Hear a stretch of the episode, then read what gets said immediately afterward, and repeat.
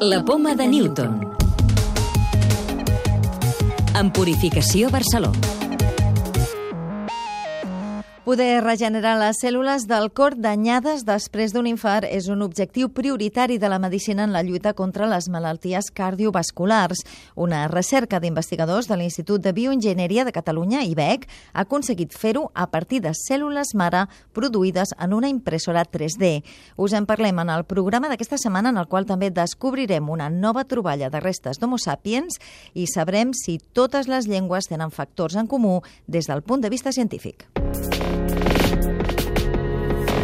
Els investigadors de l'IBEC han aconseguit convertir cèl·lules mare en cèl·lules cardíaques i després, utilitzant biotintes, les han reproduït en una matriu feta en una bioimpressora 3D.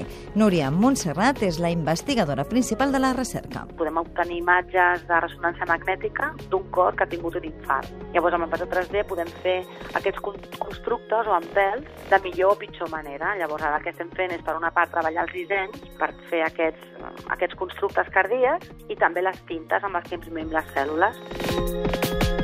Si tenim teixit descartat, aquest teixit una vegada traiem les cèl·lules, en aquest teixit no queda DNA, no queden cèl·lules. Aquest teixit ja no donaria rebuig. I hem fet un pas més enllà, és agafar aquestes matrius decel·lularitzades i fabricar la nostra tinta. Són tintes que anomenem tintes biològiques o biocompatibles. Podem dir que de moment a Catalunya i a Espanya en aquest sentit ens considerem una mica pioners. I el resultat és fins i tot millor que produir les cèl·lules en cultius de laboratori. En pèls que tenen una funció cardíaca millor que quan les hem obtingut amb altres estratègies bidimensionals, per exemple. El nostre objectiu és a curt llarg termini curar i poder reemplaçar no? teixit que està malmès o que ha quedat compromès degut a una patologia o a un accident per a aquestes estructures impreses amb impressora 3D. Ara l'IBEC treballa també amb el banc de teixits i amb l'Hospital Clínic per produir cèl·lules d'altres òrgans, com per exemple del ronyó o dels ossos.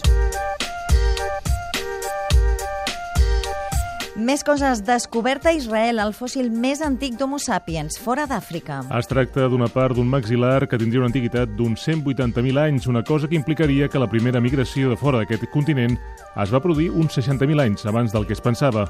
Carlos Lorenzo és un dels investigadors que ha participat en aquest projecte. Correspondria a la primera sortida dels primers emigrants de la nostra espècie que surten fora d'Àfrica. Abans es pensava que no sortien fins fa 100.000 anys i ara, amb aquesta troballa, sabem que vam sortir fa uns 180.000 anys. Una nova investigació aporta esperances als malalts de dues leucèmies amb molt mal pronòstic. Investigadors de l'Institut Josep Carreras han trobat una nova diana terapèutica per la leucèmia mielomonocítica i per la síndrome mielodisplàstica, dos tipus de càncer amb poques possibilitats de tractament. La nova diana es basa en la inhibició del receptor de la serotonina. El medicament, en ús per al Parkinson, va destruir en assaig les cèl·lules canceroses sense malmetre les sanes. Investigadors del CSIC creen un nou dispositiu amb grafè que pot estudiar fenòmens quàntics a altes temperatures. La nova eina permet analitzar fenòmens quàntics en una atmosfera estable i podria servir també per detectar i controlar molècules biològiques com l'ADN o les proteïnes. La clau de volta. Des del punt de vista biològic, hi ha una característica comuna a totes les llengües? Lola Ruiz, de l'àrea de recerca i coneixement de l'obra social La Caixa. Tot i que hi ha a prop de 7.000 llengües, des del punt de vista del cervell, totes estan arrelades a una única capacitat biològica compartida per tots els humans. Quan tenim un any, ens posem drets i caminem.